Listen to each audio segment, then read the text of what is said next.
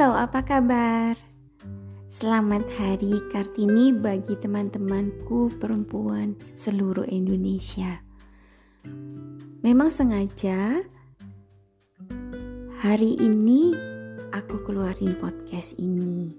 Sebetulnya ini udah lama sekali ingin aku buat jadi satu episode khusus yaitu tentang ketidaknyamanan perempuan itu adalah bisnis. Waduh, kok berat sekali ya bu judulnya. Gak, gak berat. Ini betul-betul pemikiran yang lumrah, yang yang biasa. Mungkin teman-teman perempuan juga pernah mikir seperti ini. Gitu. Beberapa hari yang lalu uh, saya lihat di TV tentang perseteruan seorang artis dengan seorang dokter tentang produk indoors yang di yang yang dipromosikan oleh artis ini berupa produk kecantikan yang kemudian jadi ramai. Uh, dua belah pihak saling saling merasa benar. Mungkin udah tahu ya nggak usah ditak ceritain ya pasti udah tahu sendiri kalau nggak tahu ya. Berarti kamu kebangetan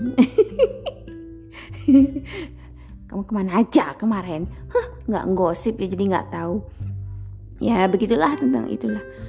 Nah kemudian aku jadi mikir gitu. Wow ternyata uh, uh, jadi perempuan tuh mahal loh jadi perempuan itu mahal beneran. Bajunya aja sekarang mahal ya. Bedaknya sekarang mahal. Sekarang mana ada bedak tiga ribuan? Eh ada deng. Bedakku. Johnson and Johnson. Namanya jangan ditiru. Udah tua masih pakai Johnson and Johnson. Terus tapi udah naik sih sekarang. Hmm, jadi bedak yang ada warnanya bedak yang punya adik bayi juga. Tapi kalau mau pergi-pergi keluar baru kakaknya. Kakaknya mereknya kayak planet-planet itu. Nah itu ada ada apa uh, alas bedaknya. Itu udah mewah banget perasaan buat aku ya. Soalnya aku nggak seneng sih bedaan kalau bisa nggak ada bedaan malah seneng. Salah satu keuntungan uh, memakai masker adalah tidak pakai bedak. Uh, aku seneng. Jadi nggak pernah aku bedaan gitu ya. Ya cuma pakai aja bulu matanya dari tali rafia itu ya, bulu matanya biar cantik gitu. Nah, selebihnya mukanya nggak pernah dibedain, nggak pakai pakai lipstick. Aduh, enaknya hemat banget. Hampir hampir satu tahun setengah ini sama sekali nggak beli bedak, nggak beli lipstick. Aduh, biasanya juga nggak pernah beli lipstick aja. Lipstick beli lima tahun sekali aja nyombong ya. Bu lipsticknya kok warnanya itu itu aja? Eh saya punya banyak loh. Padahal ya cuma jarang pakai lipstick daripada uh, apa namanya um, nggak kelihat juga kan ya pakai masker nggak pernah. Jadi begitu ada foto pas mau foto suruh buka masker aku pakai masker aja ya. Padahal nggak pakai bedak nggak pakai lipstick. Pucet ya kayak kayak ini. Ayat tekan pucet. Ya udah jadi nggak usah aku nggak mau kalau buka masker. Aku tidak mau buka masker di tempat umum. Kecuali kalau lagi kepaksa mimi hmm kecuali kalau lagi orangnya nggak inget aku. Kepaksa aku deh aku buka masker. Ini loh muka aku kayak gini loh. Lah gitu baru aku buka masker. Kembali ke masalah yang tadi.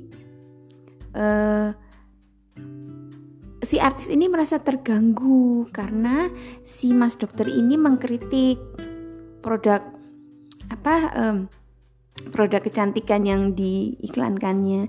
Dia ngerasa loh produkku ini bagus kok kamu enak-enaknya aja ngomong kalau bahan-bahan yang terkandung di dalamnya membahayakan. Hmm. Kemudian uh, jadi rame dan memang betul sekali ketidaknyamanan perempuan itu adalah bisnis. Kenapa sekarang orang banyak ke tempat perawatan kulit, ke tempat perawatan tubuh apa yang dibangun? Ketidaknyamanan. Orang sengaja perempuan terutama sengaja dibuat tidak nyaman dengan badannya. Yang uh, asalnya ngerasa sudah cantik merasa ingin cantik. Yang ngerasa menurut dirinya belum cantik ingin jadi lebih cantik jadi cantik ya. Yang ngerasa padahal badannya biasa-biasa aja ingin lebih seksi pakai slimming-slimming itu ya. Dibebet-bebet pakai stagen kalau mau langsing itu sebetulnya hanya satu olahraga. Terus makannya yang bener. Gitu ya kata ibu guru ini. Apa ibu langsing? Oh tidak. Sebetulnya kalau ngomong ketidaknyamanan itu uh, aku lebih sering sering menghadapi itu ya. Mungkin dari beberapa teman yang lain mungkin aku lebih sering karena kebetulan kan kalau guru yoga itu kan jarang yang uh, aku nggak mau bilang gendut ah seger gitu ya. Kan jarang yang badannya sewaker gitu kayak aku gitu. Jadi kebetulan banyak orang yang ngomong loh mbak ini guru yoga ya? Terus aku jawab sambil malu-malu kucing oren. Itu ngomong Mia gitu ya. Aku bilang gitu. Tapi uh, mbaknya kok uh, badannya kok uh, mau bilang gendut kok dia nggak enak ya? Aku jadi bilangnya dia bilangnya gini ah ya badannya gitu ya. Terus aku bilang Mia gitu. Lagi padahal di dalam hatiku tuh aduh iya iya nanti muridku jadi merasa meragukan kemampuanku yang padahal tidak ada kemampuan apa-apa ini gitu ya. Terus aku jadi aduh iya iya masa aku guru yoga kok oh badannya kok se se, se ya aduh mau ngomong semok seger kok. Ya susah ya. Seger nyatanya kok gendut gitu ya jadi. Dan itu yang diciptakan. Kalau kenyamanan itu akhirnya membuat aku datang ke klinik untuk membebat-bebat eh, badanku jadi pakai stagen dan daun pisang itu akan jadi beban buat aku. Tambah biaya yang jelas. Tambah biaya karena bisnis itu uh, perawatan itu tidak murah gitu. dan dan intinya bisa menghabiskan honorer honorku. Rugi aku. Terus padahal kenikmatannya mengajar yoga itu adalah bisa makan makanan enak ya dengan uang sendiri tanpa ngurang-ngurangi uang belanja dan cari duit rempesan dari kantong suami. Enggak ya gitu ya. Kenikmatannya itu itu sebelumnya ya.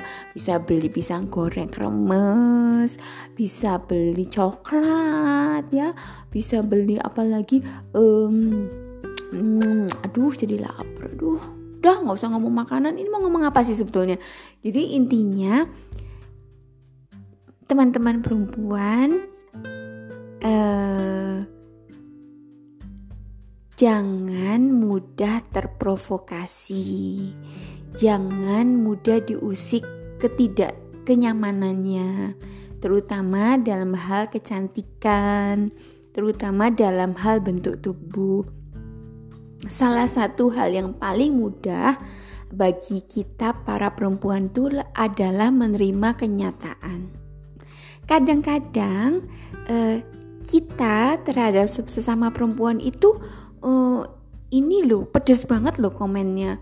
Seperti itu loh cukanya empek-empek tau nggak? Kecut-kecut pedes gimana gitu? Aduh gitu kadang-kadang. Seperti yang beberapa hari yang lalu beberapa waktu yang lalu eh, agak agak rame di media sosial tentang komen netizen terhadap keriputnya Yunisara. Ih Yunisara keriput ya. Besok-besok nih kalau udah tahu kayak gini lehernya pasti operasi deh. Netizen itu yang ngomong perempuan loh. Kayak gitu ngomong di media sosial kayak gitu. Untungnya di Yuni ini eh uh, tidak menanggapinya dengan kemarahan. uh, mungkin beliau sudah dimatangkan oleh uh, terpaan angin. ya beliau kan umurnya juga uh, di bawahku tapi kan sudah cukup makan asam kunyit dan juga uh, yang lainnya gitu. Jadi lebih lebih bijaksana menanggapinya. Dan yang komen ini nggak sedikit.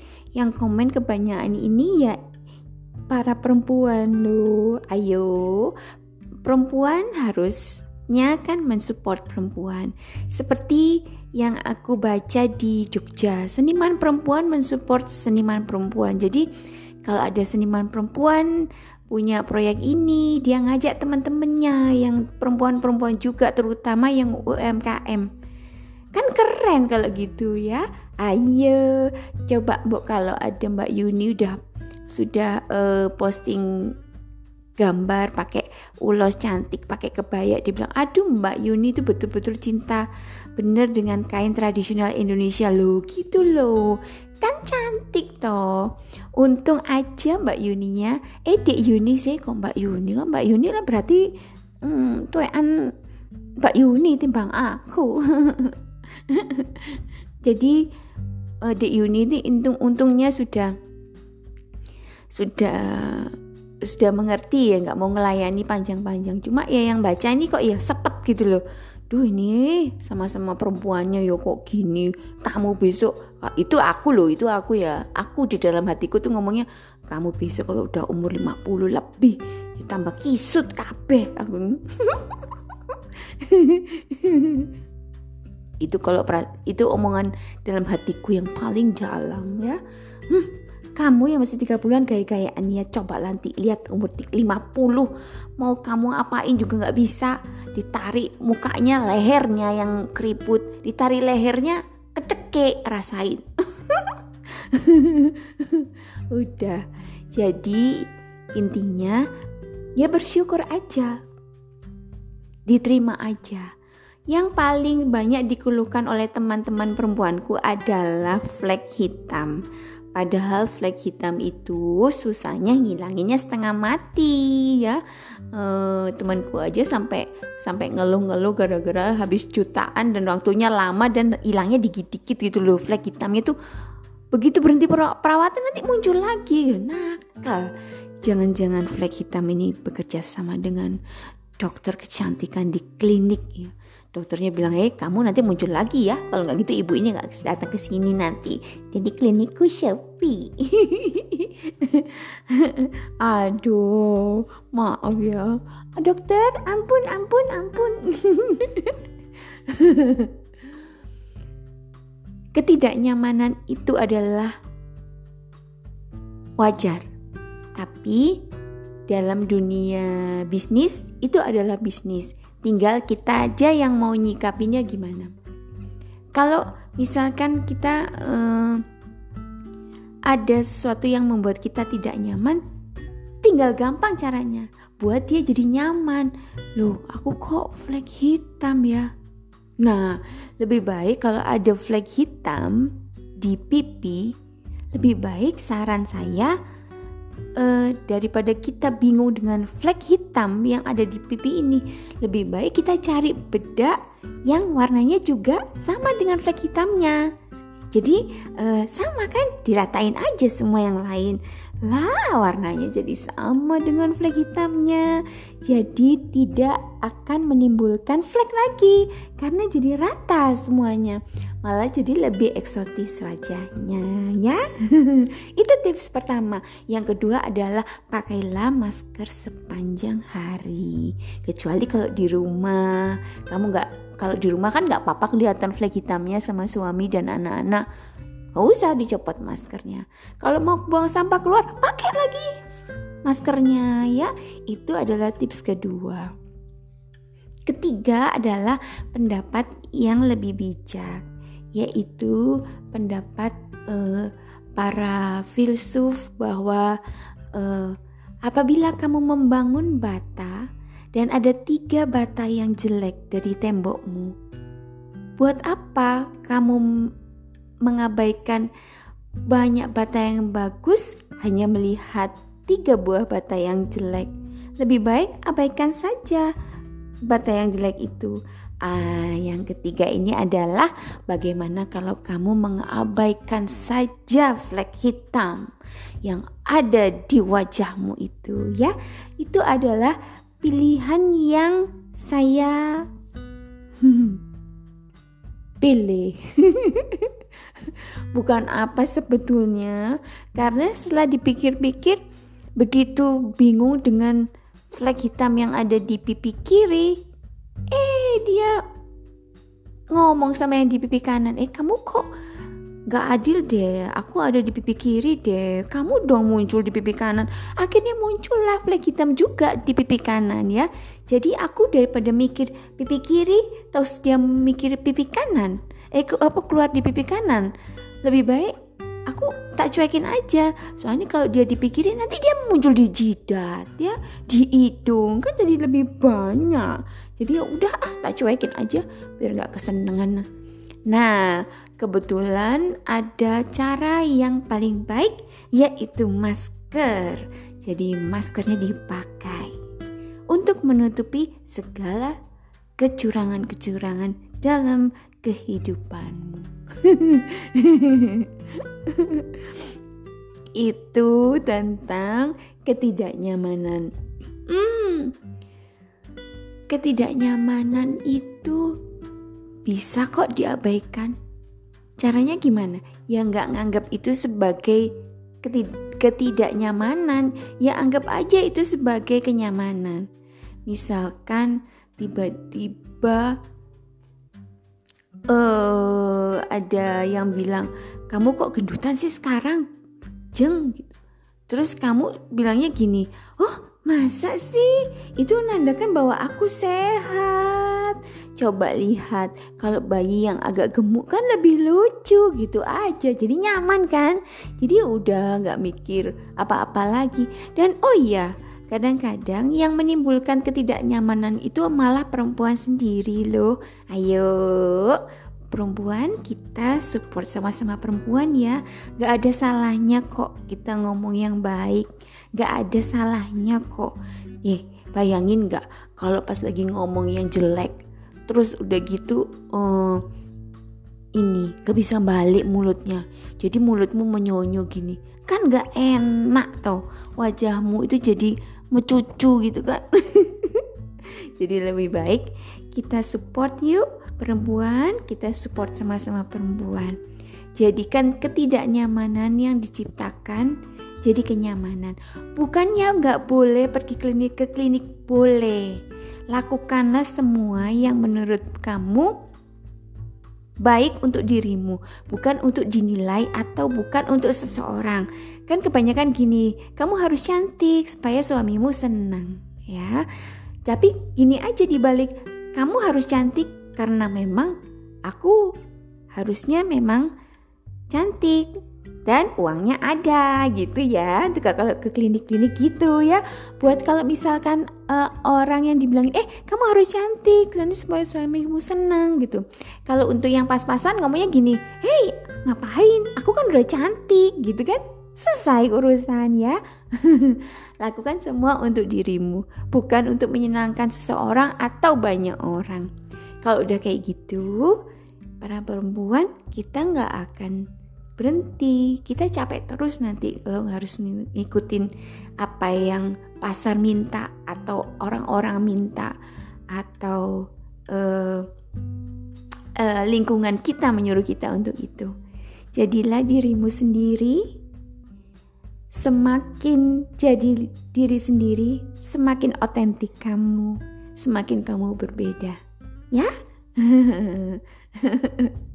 Gitu aja. Selamat hari kartini perempuan-perempuan Indonesia. Semoga kita semakin uh, sadar bahwa kita adalah subjek bukan objek bukan pelengkap penderita apalagi keterangan tempat. Ayo, inget gak pelajaran bahasa Indonesia SMP? Hmm, Lupa kan? Iya. Aku juga ingetnya itu kok. Subjek, predikat, objek. keterangan. Semoga kita semua diberkati Tuhan dengan kesehatan. Semoga kita diberkahi alam dengan nikmat syukur yang berlebih. Semoga selalu berbahagia, sehat selalu ya. Dah.